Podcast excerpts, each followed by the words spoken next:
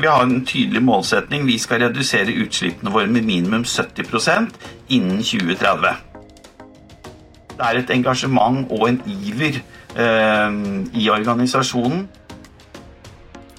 Vi jobber jo i en sånn typisk mannsdominert bransje, så hos oss var det helt naturlig å se på hvordan skal vi øke kvinneandelen hos oss. Kjetil Grønbakken er markeds- og bærekraftsdirektør i Heidenreich. En nasjonal grossist innen vann og avløp, VVS og varme, med 350 ansatte fordelt på 21 avdelinger rundt i Norge. Heidenreich har en ambisiøs bærekraftsatsing og ble nominert til prisen Årets inspirasjon av miljøfyrtårn i 2021.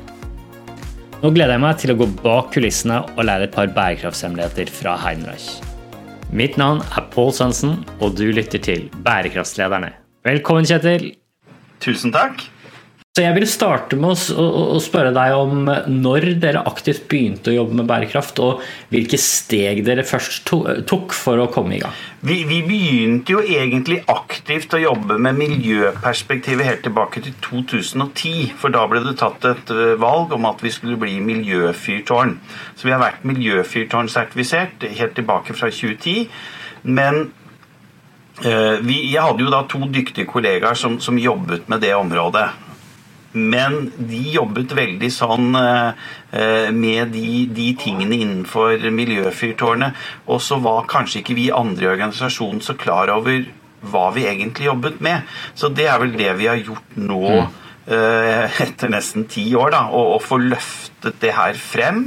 Og så har vi begynt å se mer på de mm. ulike perspektivene innenfor ikke bare miljødelen, men òg den økonomiske og den sosiale delen på det. Det er veldig spennende. Og e, e, en av de utfordringene mange møter når de begynner å jobbe aktivt med dette, er jo det at bærekraft er et veldig stort felt. Og som du er inne på, så, så jobber det jo Det spenner fra miljø til samfunn til, til, til det økonomiske. Eh, så jeg er spent på hvordan dere eh, tenker på den prioriteringen av hvilke tiltak dere ønsker å satse på.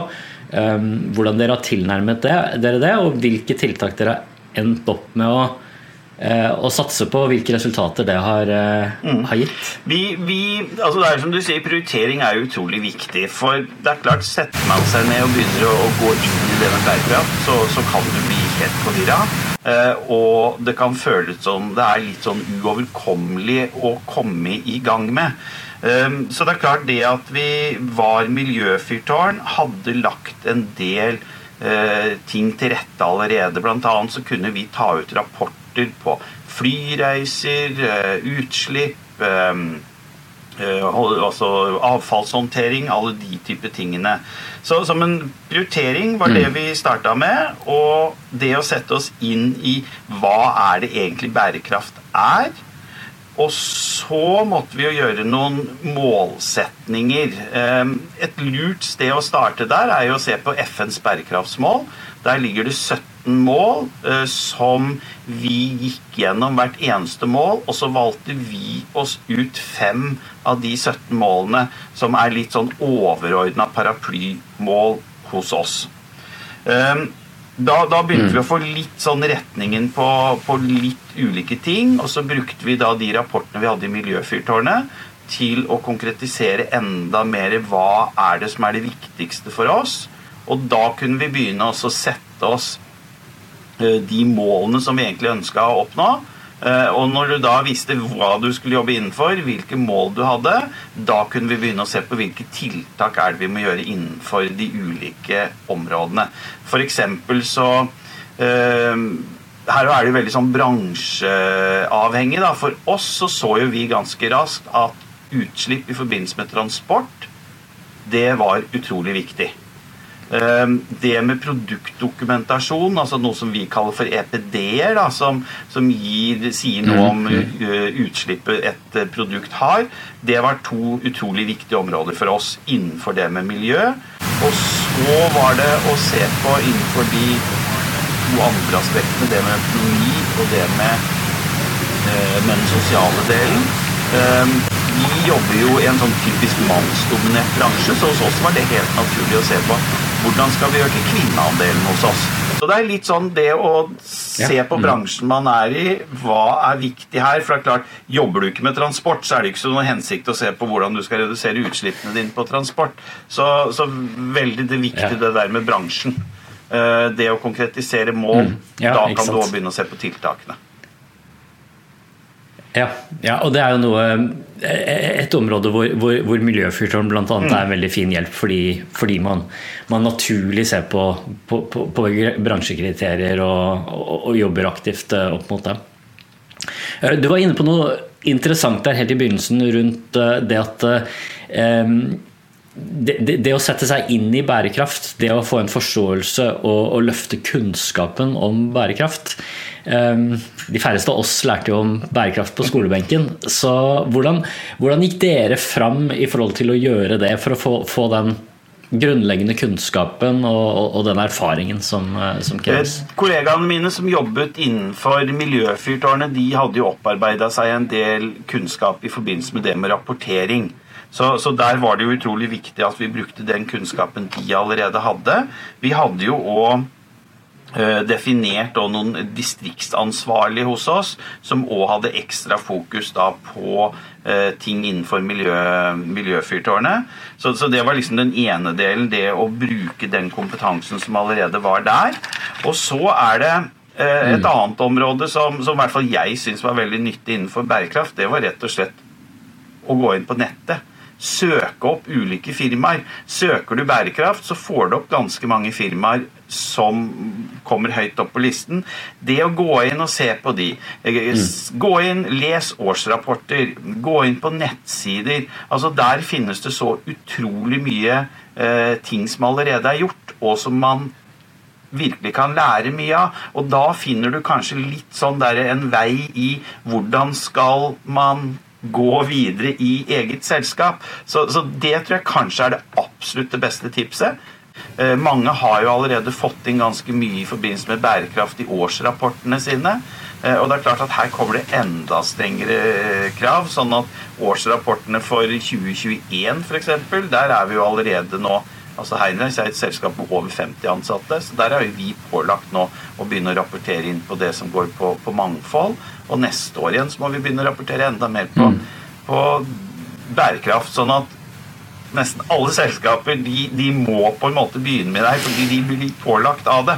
Så det er litt sånn tips, som sagt. Gå inn og les på, på, på hva andre har gjort. og så er jo jeg en litt sånn nysgjerrig person, da. Så, så derfor så har jeg sørga for at jeg har, har, fått bygd på litt med teori fra BE og sånn. Så, men, men, det er litt sånn for egen, egen, personlig vinning, og ikke minst å kunne bruke det inn mot, uh, mot selskapet igjen. Også. Ja, for jeg syns det, det, du nevner med å, å, kikke på nettsider, er et veldig veldig godt tips. For der finner man jo veldig mye veldig konkrete forslag. Uh, ofte i sin egen bransje, men ofte også utenfor, utenfor egen bransje. Ja, så er det litt sånn Selv om det er en helt annen bransje, så, så er det så mange likhetstrekk uansett. Så, så, ikke nødvendigvis henge seg opp i at å, jeg må finne noen i samme bransje som meg. Søk heller hvitt og, hvitt og bredt, så, så, finner du utrolig mye nyttig informasjon, sånn at du, du kommer, i, kommer, i, gang. Og så er det nok kanskje det mange og fort vil føle litt på, er Oi, hvordan skal jeg rapportere inn igjen på det her?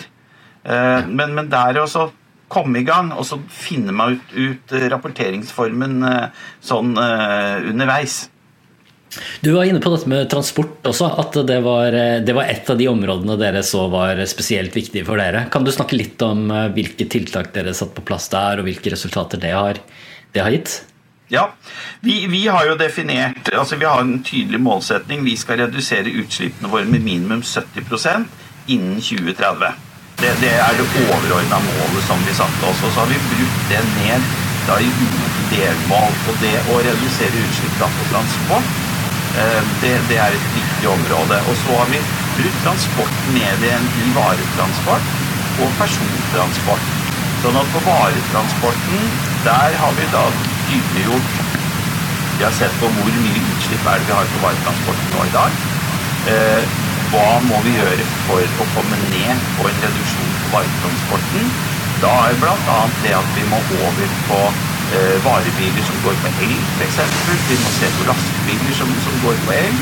Sånn at der er det jo ting som vi allerede da er i gang med. Eh, sånn at vi skal ikke vente til 2020 for å nå målsettingen til 2030. Det er litt sånne små endringer som gjøres fortløpende. Eh, vi har sett på persontransporten, det vil jo si da selgerne hos oss som har eh, firmabiler. Der har vi jo nå flytta, sånn at når det bestilles en ny firmabil nå, så flyttes den over på el, så frem til det ikke er noen helt spesielle forutsetninger at du bor i et område hvor det ikke finnes lading omtrent. Men, men der ser vi jo bare den justeringen som er gjort fra 2019 til, eh, eller fra 2020 til 2021, reduserte utslippene med 2 så har vi en målsetting at innen 2030 da skal 94 av selvbilene hos oss være elbiler. Og da skal vi ha redusert utslippene med ytterligere 50% så er det ikke bare transportmidlene, men vi ser jo òg på Vi frakter for mye luft f.eks. i dag. Så vi må jo redusere andelen luft som vi frakter, og da må vi se på emballasjen igjen som vi bruker. Um, på innkjøp hos oss f.eks. så må vi òg inn og se på um, hvor ofte vi setter ordre hos den enkelte leverandøren. For det er klart at hvis vi setter ordre to små ordre to ganger i uka, så kommer altså leverandøren med bil to ganger i uka for å levere, kontra om vi da heller setter en større ordre og får det levert én gang i uka. Så det er ikke liksom bare å se på transportmidlene, men det er jo å se på hvordan handler vi, hvordan frakter vi. Så, så det med transport er klart det er utrolig viktig. Ja, ikke sant. Ja. Og For å komme fram til veldig mange av de løsningene, så, så, ser man jo også at eh, det å involvere de ansatte eh, og få ideer fra dem kan være, kan være, veldig viktig.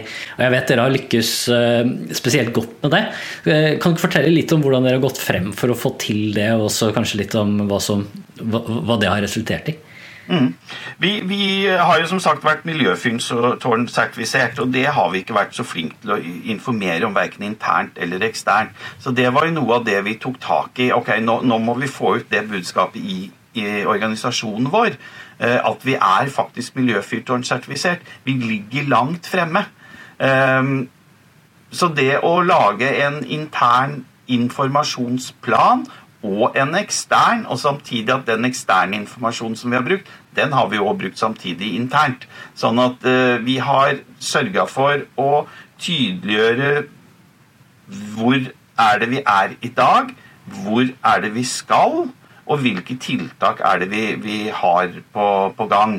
Sånn at ansatte har visst på en måte at nå har vi løfta opp hele den bærekrafts fokuset. Og ikke bare det at vi sier at vi har fokus på bærekraft. Da må vi òg være tydelige og vise hvilke tiltak som vi har. Så ett resultat er jo i forbindelse med at vi har en internskole, så eh, lanserte vi et bærekraftskurs der. og Det er et ganske omfattende kurs som tar ca. to timer å, å komme gjennom. Eh, men der hadde man jo òg muligheten til å legge inn egne kommentarer og innspill til Heidenreich. Og der har vi jo ansatte som har gitt utrolig mange innspill både på hvordan de selv kan bli mer bærekraftige, og ikke minst hvilke tiltak er det òg Heidenreich kan gjøre. Så det er, det er et engasjement og en iver eh, i organisasjonen som nok har vært der fra før hos veldig mange, og så har vi klart å løfte den, løfte den sammen. Ja, ikke sant. Ja, ja, ja. Uh, ja det er veldig spennende. Det er, veldig spennende. Uh, er, det, er, det, noen konkrete ideer som har blitt, uh, blitt tatt ut, og, og, som har blitt til tiltak? Ja, vi har jo bl.a. gjort en del endringer i forbindelse med kopiering, f.eks. Det for å redusere papirforbruket der. det er det jo vært mange innspill på. Ehm, vi har òg fått på plass noe som vi har kalt for Ellingsen-boksen. Eh, Ellingsen-boksen det er egentlig en eh, gjenbrukscontainer som vi fyller da varer fra sentrallageret. Eh, så går varene ut til avdelingene våre. Hvis avdelingene da har varer som skal i retur, så bruker de den samme konteineren tilbake. Hvis de ikke har varer som skal sendes tilbake, så pakkes da den konteineren helt flat og så stables den da oppå hverandre.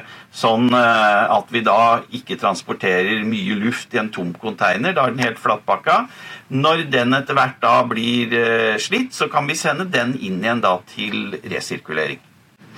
Ja, Det er veldig spennende. Og Du var inne på dette med kommunikasjon, og at dere tidligere ikke var flinke, til, flinke nok til å kommunisere både internt og eksternt. Det, det, er noe jeg ser veldig ofte, at miljøfyrtårn ikke ikke drar nytte av den muligheten som, som, ligger der for å engasjere internt og for å, for, for å skape de, eh, de, resultatene man kan få eksternt i, i markedet. Mm. Så jeg ville snakke litt med deg om eh, dette med, med, med, med konkurransekraft og, og omdømme og de mulighetene som ligger der. Har dere, har dere, sett at uh, fo deres fokus på, på, miljø og bærekraft har, uh, har resultert i, i, noen konkrete fordeler i, i, i markedet? Ja, øh, og, og, vi er jo i en bransje hvor altså Vi jobber jo kun business to business, og mange av våre kunder igjen de er jo store aktører oppimot offentlige byggeprosjekter, f.eks. Og, og hvis du ikke har på en måte fokuset på og kan vise til tydelige eh, tall, eh, målinger, utslipp, eh, så, så, vil ikke vi komme i betraktning engang som leverandør til offentlige prosjekter. Så hos oss så er det jo ikke bare det at det er eh, viktig for oss å ha fokus på bærekraft. Det er faktisk en nødvendighet for at vi skal kunne overleve som organisasjon. Eh, i fremtiden. Og mm. de organisasjonene som ikke har begynt å jobbe med det her, eh, de, de kommer til å våkne opp en dag og, og, tenke at bærekraft og fokus og tiltak det vil faktisk være en forutsetning for at du skal kunne overleve i fremtiden. Og der er det jo det offentlige som på en måte har startet og har de, kanskje de strengeste kravene enn så lenge. Men samtidig så blir jo vi som forbrukere òg Vi blir jo mer og mer opptatt av at vi ønsker å velge bærekraftige eh, alternativer, samtidig som vi kanskje på litt lengre sikt ikke heller er villige til å betale den ekstra for det, for vi tar det som en forutsetning. Sånn at da kan du fort bli tatt med buksene nede hvis du ikke har gjort noen tiltak. Så, så, for oss i, i Heidenreich så er det liksom helt naturlig at vi måtte iverksette tiltak for å, å kunne komme i betraktning i forbindelse med en del eh, anbud. Offentlige går som sagt foran, og det private kommer til å, å følge etter. Um, og så er det en annen del i det da, som, som kanskje er litt mer sånn der floskler eller flåsete, som man uh, kan kalle det. er jo at vi, vi, vi har jo et, alle et ansvar for å overlevere en jordklode til de generasjonene som kommer etter oss. Så det er vel det er, vel ingen altså Det er vel noen som fortsatt tror at uh, alt med miljø og hele den biten er noen som noen har dikta opp, men der har vi så mye rapporter og tall og noe som viser at vi, vi må jo iverksette ting. Ja, den diskusjonen tror jeg, tror jeg vi har lagt bak oss, de fleste. Um, du, du, du, var inne på tidligere at dere har satt et, et overordna mål om å redusere utslippene deres med 70% innen, innen 2030. Og det er, jo, det er, jo, et stykke over hva vi har som mål nasjonalt, og også hva som ligger som retningslinjer i, i Parisavtalen. Mm. Um, merker dere at den, det ambisjonsnivået dere har lagt dere på, um, merker du at det, at det, gjør et utslag i, i, i markedet? Nei, kanskje ikke. Jeg, jeg tror det, det, de fleste er opptatt av, er nok mer at vi har konkrete tiltak. Eh, det at vi har satt noen mål, det at vi har konkrete tiltak for å nå målene, det er nok det de fleste er mest opptatt av. Ikke nødvendigvis om målet er satt på 40 eller 50, 60 eller 70. Ikke sant. Ja. ja. Folk leter etter, etter, det veldig konkrete. Det er jo også noe man ser veldig, at uh, veldig mange bedrifter uh, setter, setter, store mål uten å, uten å, ha konkrete tiltak bak det. Så, ja. Og, så og det, det kan, kan, være at vi altså Når vi kommer i 2030, da kanskje vi har nådd uh, 60 men uansett, da, okay, da har vi en 10% som vi ikke har nådd, og da må vi jobbe videre for å, å nå den. Men samtidig, da, så har da de tiltakene vi har iverksatt, de har uansett redusert. Og det er kanskje det viktigste. Om man så setter seg litt hårete mål, da, så, så sett og litt hårete tiltak. Og så får man uansett et resultat uh, ut av det, og man får til en reduksjon, en forbedring. Eh, og, jeg tenker at Det er også kanskje noe av det viktigste. Og så er ikke det jeg sier at vi ikke skal jobbe for 70% for det er det som er målsetningen virkelig. Men når vi 60, som sagt, da, så er jo det bedre enn 20% eller 30 og, og Det er kanskje det, det, aller aller viktigste. Det at man viser at man, man er i gang, man er på vei. Eh, man har noen konkrete mål, og man har konkrete tiltak. Ja, absolutt. absolutt ja. Um, i, i, forhold til, i, forhold til, Når vi snakker om, om, om, om ambisjonene, da om 70% utslippsreduksjoner og, og, tiltakene bak det. Hvilke satsinger fremover er det du er mest spent på og har, har, har størst håp til? Det er nok reduksjonen innenfor transport. Ehm, det er, det det vi virkelig må ta tak i og gjøre ting med nå. Og der er nok kanskje teknologien helt på vår side, da. Eh, fordi Eh, en lastebil har kanskje en rekkevidde på 13 mil. Uh, og, det er klart, vi, vi, Bare du skal til Drammen på vinteren, for eksempel, så må du stoppe og, stoppe og lade lastebilen. Uh, og så koster den jo dobbelt så mye om, kontra om vi kjøper en, en ordinær lastebil. Uh, og det er jo ting som vi bare må ta med i betraktningen. For det er klart vi, vi, vi må rett og slett bare få justert. Så varebiler bl.a. er vi på full gang. Vi satte inn en ny elvarebil senest mandag Eh, forrige uke.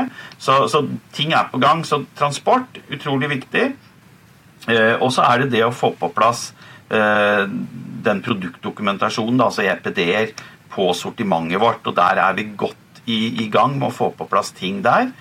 Så det er vel kanskje de to viktigste områdene å få gjort noe med. Og så er det for å få til ting på bærekraft, så er vi klarer ikke å få til det alene. Så, så, det er jo et av de bærekraftsmålene som, som, vi har valgt oss. Det er jo det med samarbeid. For det er klart, vi, altså, ingen, ingen, kan gjøre alt, men alle sammen så kan vi gjøre litt. Og når vi alle sammen gjør litt, og så samarbeider vi om det, så får vi jo til fantastiske resultater sammen. Så samarbeidet er utrolig viktig. Vi må samarbeide med leverandørene våre, eh, sånn at vi får de produktdokumentasjonen, at vi får ned utslippene i forbindelse med produksjon, transport.